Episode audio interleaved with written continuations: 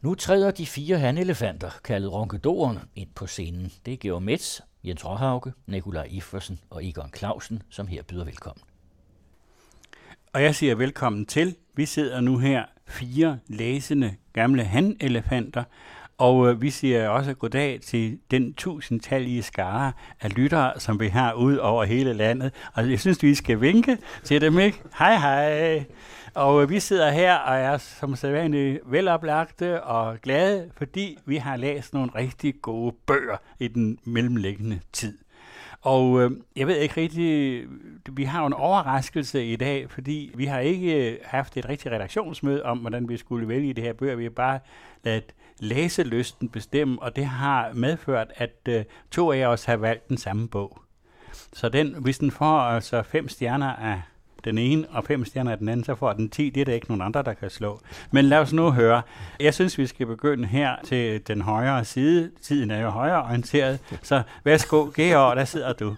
Ja, um, så vil jeg godt tale om den bog, jeg har læst og taget med, nemlig Orlando Fitches uh, Lov mig, at du kommer tilbage. Orlando Fitches er, mærkeligt nok med det navn, han har, uh, en yngre uh, britisk historiker, professor ved uh, Birkbeck College University of London, og en af de mere fremtrædende yngre britiske historikere efterhånden. Og det er ikke hans anden bog, for han har skrevet adskillige allerede, men det er hans anden store bog om øh, Rusland og Sovjetunionen og Sovjetunionens eftervirkninger.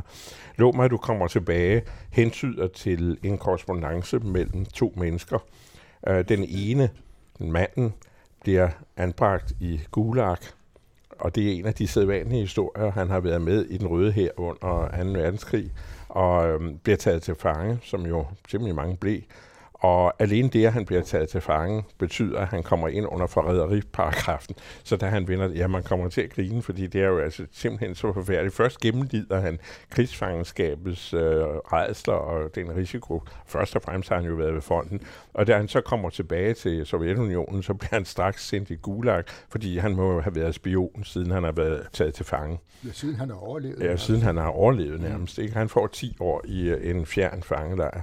Og øh, dermed bliver han jo adskilt fra sin elskede, som øhm, imod alle odds opretholder en korrespondence med ham. Han er så heldig, at han i den gulaglejr, han kommer, er udsat for nogle forholdsvis venligsindede vogtere, så han kan få fangevogtere, så han kan få smuglet sine breve ud. Og det, der er helt enestående, det er, at alle disse breve er bevaret. Øh, I 2007 opdager Orlando Fitches under sin forskning, at der ligger de her breve i kufferter, og det er i 10.000 vis af breve over alle de her år. De har korresponderet med hinanden hele tiden. Og meget af det, han skriver, er selvfølgelig kodet. Altså, han har jo måttet ikke kodet i, øh, altså sådan med, med forkerte bogstaver og alt det der, men altså i øh, eufemismer og i øh, alle mulige omskrivninger. Men i det øjeblik, man har fået øh, oversigt over det her materiale, så kan man jo altså afdække den virkelighed, det afspejler. Og det er ret enestående, fordi vi har mærkeligt nok ikke ret meget øh, materiale på det her.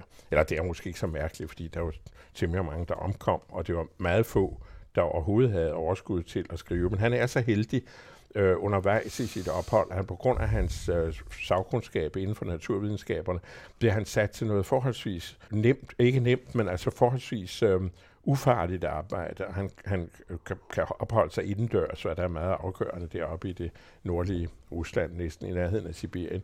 Og dermed får han også mulighed for at sidde i fred og skrive. Og han bliver også øh, til gode set af, af, af sine overordnede i det her savværk, som han kommer til. Resultatet er, hvordan man endelig vender dig det, hvordan det er sket, så ligger der det her kolossale materiale, som Fitches så har, har, har ordnet. Og i det får man så et indblik i de her lejre på en helt anden og langt mere nuanceret måde, end vi har fået før. Altså det er et øh, uhyre komplekst system af både undertrykkelse og overlevelsesmuligheder. Bogen skal ses som anden del, eller man kan sige et, et, en vedføjelse til hans hidtidige hovedværk, som er en ordentlig mobbedreng, der kom for et par år siden, der hedder Viskerne, som handler om selve udregnelsesperioden og øh, rejsesperioden fra øh, 1930'erne og frem til Stalins død. Men altså med hovedvægt på, på 30'erne og 40'erne, hvor øh, man altså simpelthen forsvandt klokken 5 om morgenen, langt de fleste vedkommende for at blive skudt i nakken øh, natten efter eller to nætter efter. Øh, og så dem, som overlevede den seance, de blev så sendt ud i Gulag. Det, som denne her bog så også afspejler, det er Gulags nødvendighed for den sovjetiske økonomi. Det er, er der jo også andre, der har skrevet om før, men her kan man altså også ud fra brevene se, hvor komplekst det har været, og hvor helt nødvendigt det har været for at opretholde kommandoøkonomien. Det er simpelthen en del af nationalproduktet, at der er de her slavearbejdere. Der er jo taler om simpelthen slaveri. Det kan ikke defineres på anden måde. Ganske enkelt slaveri. Det er mennesker, som ikke har gjort noget. De bliver simpelthen bare sendt afsted til de, eller dommene er jo, er jo fuldstændig øh, vilkårlige, og de, de, de, de har, har jo ikke bund i nogen som helst virkelighed. Så derfor kan man roligt henregne det under begrebet slaveri.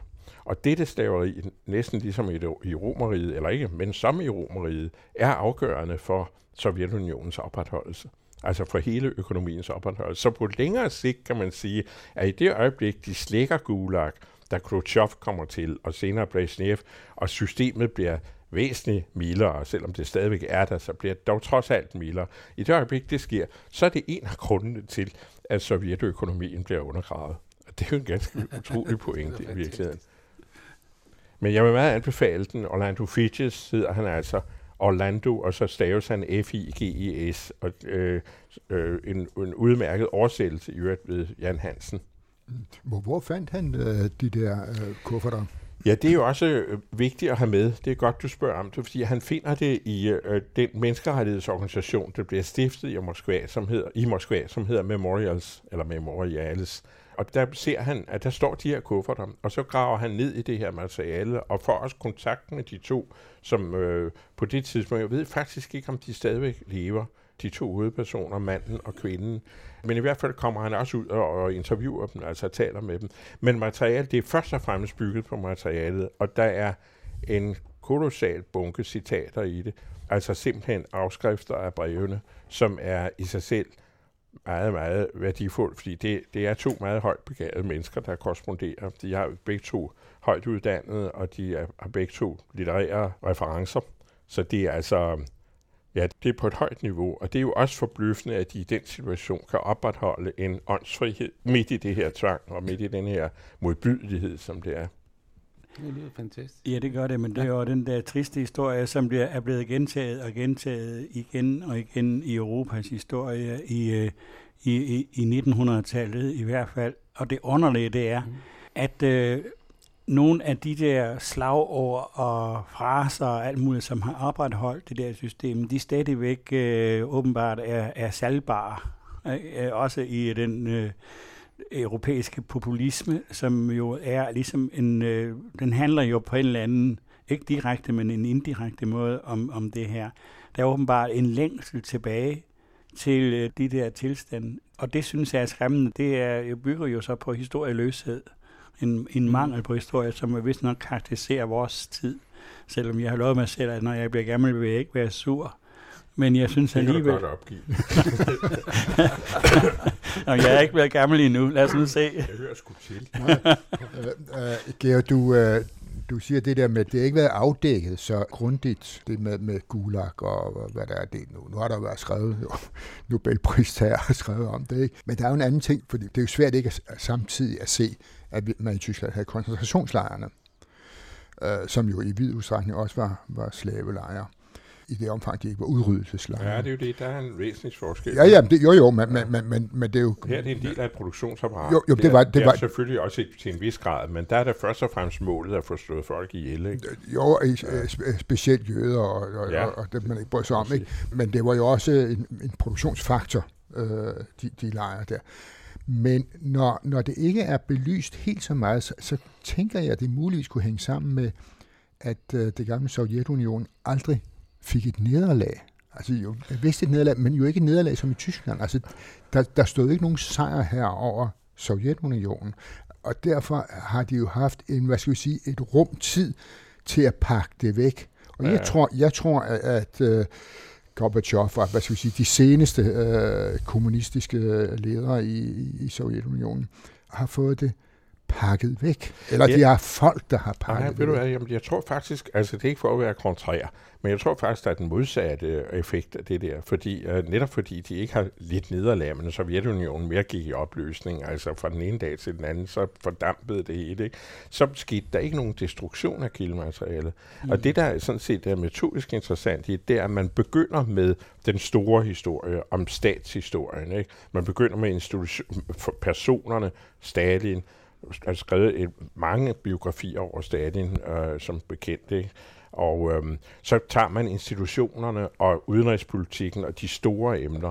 Og nu er man nået til, om jeg så må sige, de almindelige mennesker. Det er jo også Fitches store fortjeneste, at han her pludselig giver eller med sine værker giver det almindelige sovjetiske menneske male. Og det materiale, det er ikke destrueret. Kan I ikke huske, da, da DDR bryder sammen, mm. så øh, bliver vi jo alle sammen glade for, ikke? Altså sådan et møgssystem, endelig bryder det sammen. Men det næste, jeg kan huske, vi talte, jeg talte med Carsten Fidelius om det, vi sad næsten og holdt om hinanden af rejsel, for vi så folk styrte ind på Stasis øh, arkiver og rive papirerne fra hinanden og smide dem ud af vinduerne, ikke? og siger, åh nej, åh nej, det er hele materialet, der går tabt. Det må I sgu ikke gøre, vel? Bevar det. Bevar roen. Heldigvis holder de op med destruktionen af det. Men jeg kan huske, huske den rejsel, der var i de første dage, hør, bliver der overhovedet noget tilbage? Ikke? Og det er velforstået raseri over sådan et regime, ja. men det er bare ikke så smart at gøre det. Og det er ikke sket i Sovjet. Nej, men ved du hvad? Der ligger et kolossalt nej, materiale. Nej, der, der, jeg forstår din, din indsigelse der, men den forskel, der er, det er, at efter Tysklands sammenbrud, øh, kapitulation, Tyskland eksisterede rent faktisk ikke efter det 8. maj 1945 som nation. Der var det nogle som andre... Stat. Som stat. Ja, ja. Der, der, var, der, der, var der, øh, der var der andre, der tog over, der, der kunne der kunne beskrive det, og kunne tage fat i det, kunne åbne det, i det omfang, det var til stede, Ja. og kunne dokumentere, jamen herregud, altså vi kender alle de film fra, fra øh, bulldozer i Bergen-Belsen-lejren, der skovler lige sammen, og alt det der. Det kunne man ikke i Sovjetunionen, fordi der trods alt stadigvæk var nogen, der havde fat i det, Ja, som, ja. Så, som var, øh, altså, øh, øh, det, det var intakt på en anden måde. Ja, det er vi enige om. Absolut. Ja. Altså, de har hele materialet liggende. Det er bare et så overvældende kildemateriale. Og han finder altså noget, der er samlet her. Og, og så må man jo understrege en ting, at det her materiale er enestående, fordi der er, findes ikke sådan en, formentlig ikke ret mange af den slags korrespondencer, og slet ikke bevaret. Mm. Også fordi mange, der så har modtaget breve, har været bange for at have dem liggende, og har sikkert distribueret dem, lært dem udenad, eller læst dem flere gange, og så distribueret dem. Men det, der er enestående her, det er, at hans kone, som altså bliver tilbage i Moskva, øh, gemmer dem alle sammen. Og han får også gemt sine. Han får faktisk lagt dem et sted, hvor man kan finde dem, han kan finde dem bagefter, da han bliver løsladt. Så det er jo ganske imponerende. Og det, det er nok ret enestående. Og derfor bliver det sådan en vej ind til en, uh, i øvrigt så en vej ind til en yderligere forskning i det her, hvor altså, som sagt, viskerne, arrestationen var første led. Det her, det er så uh, fangenskabet. Og så kunne jeg forestille mig, at han så laver et bog til om tiden efter. Hvad så, ikke? Sårene. Ja, Arne. sårene, Du, Arne, ikke? du, du nævner, at de korresponderer på et meget højt intellektuelt niveau, Ja og undrer dig over, at de kan fastholde det. Men kunne man ikke øh, omvendt sige, men det, det er jo netop fordi, de er sådan nogle åndspersoner, at han overlever og, f- og finder plads i den her nuancering. Jo, det er det jo givetvis. Altså, det har du ret i. Altså, det er selvfølgelig den vej rundt. Men alligevel så øh, er man jo alligevel lidt imponeret over, når man tænker på den malighed, vi Ja, lever i. ja, Ikke? At man sidder der i 40 graders kulde, ikke? og det jo trækker ind, og man får ikke mad nok, og jeg ved sgu ikke hvad. Ikke? Og det er, jo, det er jo en del af årene, han har. Sådan først lidt senere får han det noget bedre, ikke? med at, at der er varme i kakkelovnen og sådan noget, fordi hans arbejdsindsats er så værdifuld for, for, for lejren der. Det er et kæmpestort savværk, der ligger et par tusind kilometer nord for Moskva, op nordøst, nordøst for Moskva. Ikke? Det er ikke helt oppe i Sibirien, men der er eddermame koldt om vinteren, og der er mange myg om sommeren. Det er et aldeles ubehageligt sted. Og når jeg tænker på min egen malighed, så kan jeg ikke lade være med at blive imponeret over, at man kan sætte sig ned og skrive breve. Så, så, så, så lad os prøve at gribe øh, Ja, an, at, at intellekt kan føre til overlevelse. Det kan skønhed jo også. Det kan i hvert fald føre til kulturel overlevelse. Min kone og jeg fik en gave den anden dag af en nabo, som er ved at rydde op i sin gemmer. Det var Bergsøs øh, mark og, Livet i mark og skov fra 1915. Og det er et fantastisk pragtværk med, med øh, sommerfugletavler, med indlagt pergament og så videre. Og så faldt det mig ind, at mulighederne er blevet langt, langt større i dag for at producere noget smukt, og samtidig så producerer vi mere og mere junk.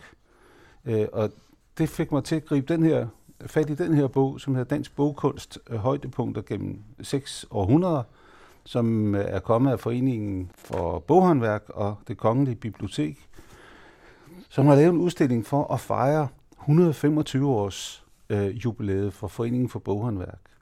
Og det var stiftet af en, en xylograf, som havde den samme idé som dem, der egentlig startede Kunstakademiet, da, da alle havde købt jern, øh, ovne af jern, så øh, for at stimulere markedet, så var man nødt til at gøre det smukt, så satte man hjorte på, og så kunne man sælge flere ovne, sådan opstod Kunstakademiet.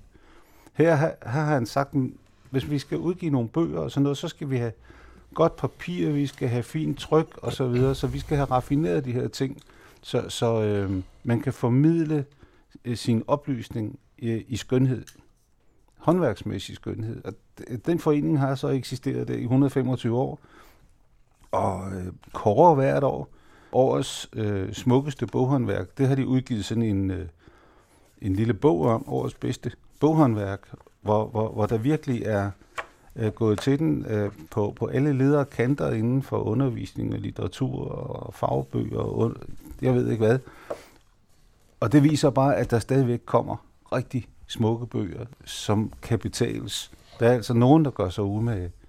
Igen vil jeg gerne nævne, at forlaget Vandkunsten er et af dem, der, der, der virkelig arbejder for, at hver gang man har en bog i hånden, så skal den være smuk, og det skal være en fryd øh, at holde i den, mens man læser. Det Men, er virkelig pragtfuldt, at det findes øh, sådan ja. det der igen. Jeg, jeg har selv i mange år været medlem af den der. Men jeg kan huske, inde i St. Petersstræde, der var der en øh, antikvarboghandler lidt over for øh, der, hvor Korsaren havde redaktion. Så jeg kom begge steder, og der øh, antikvarboghandleren, han havde meldt sig ud i protest, fordi i årsskriftet havde der været en fransk horunge, og en fransk horunge, ja. det er en typografisk, øh, altså det betyder, at den øverste linje på en side er, mm. begynder med en indrykning. Og det havde været, han havde protesteret mod det, han første gang så det. Og så var det igen året efter. Der var der igen en fransk horunge, og så meldte han ud, sagde ud i protest. Og se, nu kan selvfølgelig diskutere, at han skulle være blevet og have, have øvet sin indflydelse, men alligevel, det, det, det, det, det fortæller bare, at der er virkelig nogle mennesker, for hvem det her, det, det betyder noget. Mm. Det har virkelig en betydning, og det er noget, som de ved, de der folk, de ved jo simpelthen så utrolig meget om os, at det skal holde register. Alle de der fagting, ja, ja, ja. som er så flot. Jamen, jeg troede, det var uddødt. Men, men når, når man sidder... Her har de valgt 60 øh, bøger fra, fra, øh, fra de, den første øh, tryksag i Danmark, og så frem til, til øh, øh, Dylan Thomas' øh, og, og Mælkeskoven, som, som øh, fik øh, årets boghåndværk her for et par år siden. Mm øh, som er en fantastisk smuk udgivelse.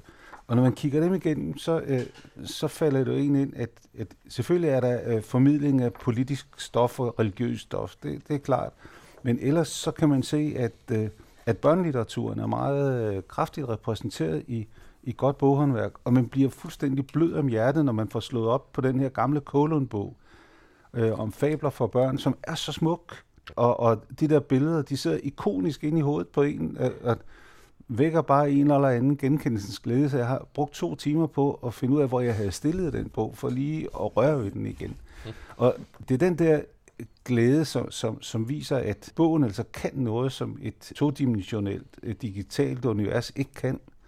Samtidig er der jo altså nogle fantastiske beretninger her om, med, med gamle tryk og stik, øh, og så er der håndkolorerede ting. Det, altså, det er jo lige så smukt som belgisk chokolade for fanden. Altså, det, det er jo helt enormt, hvad man kunne lave. Så øh, jeg har bare siddet og nydt det her, slået op, og så glædet mig over, når nu man siger, at børnelitteratur ikke er rigtig kunst, så er det altså vidunderligt at se, at det faktisk har været, børnelitteraturen har været nyskabende øh, på, på en lang række områder øh, inden for, for bogkunsten. Ja, vi Bang Olsen, altså hans betydning er, kan jo ikke Overhovedet ikke. Han, han var den, en af, af de, der virkelig lavede originale ting til, øh, altså kunstnerisk original tryk ja. til børn i bogform, hans psykografi. Men det, det, du lige har slået op på, der, det er Halvdans ABC, så kan jeg ja. lige sige, det, det er jo simpelthen, det er jo, øh, jeg ved ikke, om det er dåbsgaven, altså det er jo en bestseller af format, og den bliver ved, og den bliver ved. Altså den, den er, bøgernes IKEA, om man så at sige. Altså, den, er, ja. den står i hver eneste hjem, ikke? Ja, men vi snyder altså også os selv, hvis den ikke også bliver begravelsesgave. Ja, nej, det, det, det, det er jo lidt for tidligt at snakke om, er det ikke? det ved jeg ikke. Nej, men jeg vil anbefale, at man øh, stifter bekendtskab med Foreningen for Boghåndværk og går hen i sin reol og ser, om ikke man har et eller andet, der er værd at røre ved. Og ja. slå op i og nyde. Tak skal du have. Og jeg vil lige sige, at øh, hvad der er kunst og hvad der ikke er kunst i Danmark i dag, det er afgøres sådan set ikke af, af de produkter, der, der laves, men det er en byråkratisk øh, afgørelse. Det handler om, hvem der kan gafle mest til sig af støtte fra statens kunst. Og det er i, i den tid siden 1965, hvor um, Kunstfonden blev sådan rigtig manifesteret, at det begreb, som hedder i hvert fald litterær kunst, det er blevet smallere og smallere og smallere. Mm og det er til skade for os alle sammen. Og det, når jeg ser det her, så er det som et oplæg til Nikolaj, ja. som netop har en bog med litterær kunst, ja. som ikke bliver regnet på at være det. Fordi øh, sagen er det, en ting er, hvordan bøgerne bliver pakket ind, og så vil jeg så sige, at øh, en bogs tilrettelæggelse, dens udseende, dens illustration osv., det er jo også en del af formidlingen. Det skal man jo ikke være blind for. Altså det, det betyder jo utrolig meget. Ligesom en, en, en, en ordentlig avis, den er også ordentligt tilrettelagt rent typografisk osv. Men det øh, gælder også om, hvordan de øh, bogstaverne er sat sammen, om jeg så må sige. Hvad står der i bøgerne? Og øh, der har jeg øh, fat i en bog, som øh, til alt held er det sådan, at den har Egon Clausen også fat i. Hmm. Så vi vil køre en duet her undervejs. Bogen hedder Amerikanske Portrætter, og øh, det er en øh, journalist, der hedder Jonas Langvad Nielsen, der har øh, fundet frem til otte af USA's bedste journalister. Og dem har han lånt, eller hvad skal vi sige, fået lov til at øh, bruge en artikel, de har skrevet, et portræt, de har skrevet af nogle, nogle øh, personer.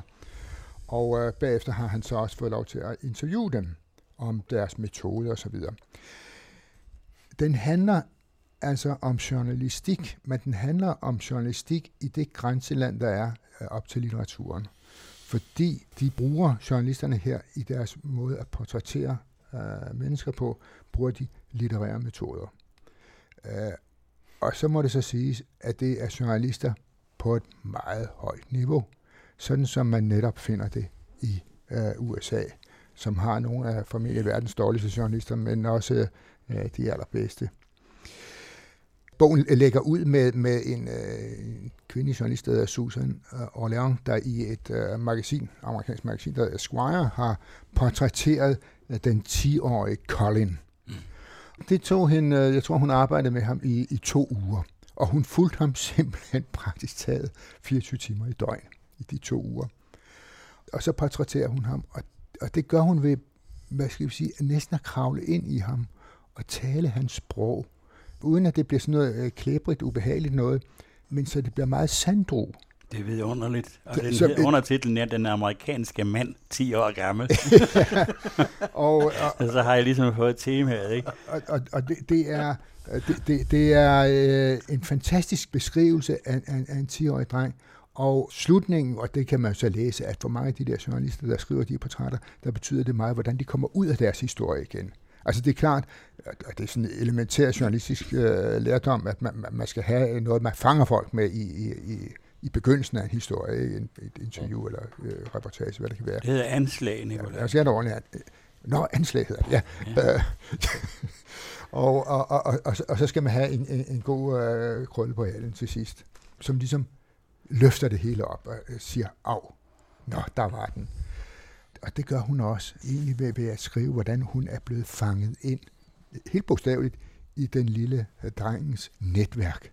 Ja, hans fiske. I hans fiskesnøre. Men hun, den er jo sådan, så hun, hun har jo rejser rundt og læser højt, og hun selv, synes selv, den fortælling er så god. Så når hun kommer til slutningen, så bliver hun så bevæget. Så hun har holdt op med at læse den højt, ved hun ikke står over for publikum med tårer i øjnene. Og jeg forstår godt, hun vil, fordi det er så smukt. Det er jo hverken tragisk eller sådan noget, men, men det er jo netop smukt. Og, og jeg vil sige, at bogen begynder jo netop med en på 10 år, og den slutter med en på 92. Så vi får et stort register af mennesker, som bliver portrætteret mm. af de her, og vidt på vidt forskellige måder, vil jeg sige. Det, der er interessant, det er selvfølgelig, de, de er så fremragende skrevet, de der portrætter. Altså, det er virkelig godt skrevet. Men samtidig er det utrolig spændende, de interviews, han har lavet, fordi øh, vi der får et indblik, og nu bruger jeg sådan en fuldstændig forfærdelig kliché, i journalistens værksted. Øh, men man ser hans værktøjskasse. altså det synes jeg nemlig er rigtigt, Nikolaj, for det er fordi, de her mennesker, de opfatter ikke sig selv som kunstnere. De opfatter sig selv helt klart som håndværkere. Som håndværker, ja. Og personligt vil jeg sige, ja, sådan opfatter jeg også det at skrive. Det er et håndværk. Som skribent giver det nogle helt enorme frihedsgrader og nogle muligheder, og, og, øh, og, og det er det, som han taler med dem om. De fortæller om, hvordan de forholder sig til det der håndværk. Altså de største kunstnere, som vi har i, i verden i dag, opfatter jo også sig selv som håndværkere. Sådan en som Johann Sebastian Bach, han opfattede overhovedet ikke sig selv som kunstner. Ja, ja, han var håndværker, ja. og, og det, var, det var et håndværk, det han lavede, og han øvede sig og gjorde sig bedre og bedre, og det er sådan en sund indstilling til at skrive. Ja. Men der er jo bare ja. det ved det, at når så det virker, så bliver det stå, øh, H, det bliver stumt, ikke? Ja, så bliver det åndværk. Ja, det gør det i hvert fald. Ja. ja, så bliver det åndværk. Et portræt, der også er, det, det er fra en journalist, der hedder Gay Talese. Og øh, han har portrætteret Frank Sinatra. Og det var sådan en opgave, han blev sat på. Nu vil jeg så sige, at, at, at Gay Talese, han øh, arbejder, øh, jeg tror, at det var på, også på Esquire. Han har formentlig fået en god hyre for at være der. Og hans arbejdsopgaver i løbet af et år, det var at lave seks historier. Punktum. Seks historier. Og det siger jo også noget, ikke? Det er, at der bliver givet tid, og det koster penge, sådan noget. Fordi de er ikke dårligt lønnet formentlig. Men jeg vil godt give et eksempel. Han interviewer netop ikke Frank Sinatra, fordi Frank Sinatra vil ikke snakke med ham. Til gengæld gør han det, at han følger Frank Sinatra overalt, hvor han er og observerer alt, hvad der sker. Og han taler med alle mulige mennesker, som har været i nærheden af Frank Sinatra. Og så skriver han om Frank Sinatra. Og det skal lige siges, at der er sket det frygtelige for Sangrinetta, at han er blevet forkølet. og det er ligesom den åbning, det er den sprække i den der, der er ind til, til manden. Ikke? Men jeg vil godt sige til jer, fordi, fordi det siger også noget om det at skrive, om det at kunne ord. Uh, det er i, i øh, interviewet med, med ham, Gay Talese. Og der fortæller han så, om hvordan man griber noget an. Ikke? Og, uh, og jeg citerer her fra, fra det interview. Gay Talese, han siger, i min bog om The New York Times beskrev jeg den gamle udgiver Arthur Hayes Salzberger, der i sine unge dage var en flot mand. Det var velkendt, at han havde flere affærer. En af dem var med en skuespillerinde, men han forlod aldrig sin kone. Da jeg mødte ham, var han gammel og svækket. Han blev tilset af en sygeplejerske, som kom ind og gav ham en pille og et glas vand. Hun havde en flot figur, gode ben. Hendes hofter vuggede, da hun gik. Solsberger vendte sig om og kiggede efter hende. Jeg kunne have skrevet, at han glåede på hendes røv, men jeg skrev, herr Solsberger havde øje for en ankel. Det var lige tilpas. Det, det, det er det er begrænsningskunst, det der, ikke? Jeg synes, det er fantastisk. Jeg har sagt det hele på det. Lige præcis, ikke? Altså, det var sådan, det var, det var sproglig kunst. Ja, det er det, og jeg, det er sådan, jeg får, jeg får simpelthen hårene rejse sig på. og, og ham der, uh, Mike Sager, som har skrevet portrættet af den 92-årige, han siger også, uh, hvordan han arbejder. Det gælder om at høre rytmen i sproget, om at finde sin stemme, sin stil. Jeg læser højt fra mig selv, mens jeg skriver. Jeg lytter efter lydene og flowet. Jeg leger med kommaer og punktummer og sætningernes længde. Sproglig stil skal ikke tage overhånd, men jeg synes, at sproget skal være letflydende. Jeg gider ikke blære mig med svære ord. Jeg vil hellere give læseren en let adgang til billederne. Hver sætning skal fungere som et stykke fyrværkeri. Når hvert ord tændes, skaber det et billede, som lyser op over sætningen. Sådan taler en håndværker. Det er jo meget vigtigt, det der med, at man læser det op, man ja. har skrevet. Og når man tænker på, når man nu hører radioen engang, men nu er det ikke vores radio, vi tænker på her, men uh, den store den radio, så kan man jo at man tænker på, læser de aldrig op for sig selv. Altså nu for eksempel har vi lige snakket om ham, der altså mener, at uh, fertiliteten for unge drengebørn kan reddes ved, at man nedfryser tekstilvæv, som han sagde, så spørger man sig selv, læser han det ikke højt for sig selv? Altså, hører, er der ingen, der hører det? Han sagde to gange så er der jo ikke rigtig noget at gøre. Vel? Måske skulle han læse det højt for nogle andre. Det kan vi. Jo, det var bare sådan... Han ikke er så velorienteret. Det, det, siger mig som gammel metodiker inden for det fag, nemlig det retoriske, ikke? Som, også som både praktiker og teoretiker, og som underviser i det, at de, de åbenbart ikke gør det der med, at de læser højt. Helt ikke? Altså, ikke. at det gør de ikke i vores Nogen gør, branche. andre gør det I helt vores tydeligt branche. ikke. De Ja. orienterer sig overhovedet ikke. I går der hørte jeg, at Stavning, en lille landsby i Vestjylland, ligger ved Limfjorden. Øh, og hvad den ikke gør, den ligger ved Ringkøbing Fjord. Men det var en mand, der ovenkøbet var på stedet. Øh, men de, de læser ikke, de forbereder altså nogen gør, det er ikke alle vel. ikke Men, men altså det her, det er det, der hedder narrativ nonfiction. Og det er en kunstart, vil jeg sige, som man har i den anglosaksiske verden. Vi har den da også her i landet.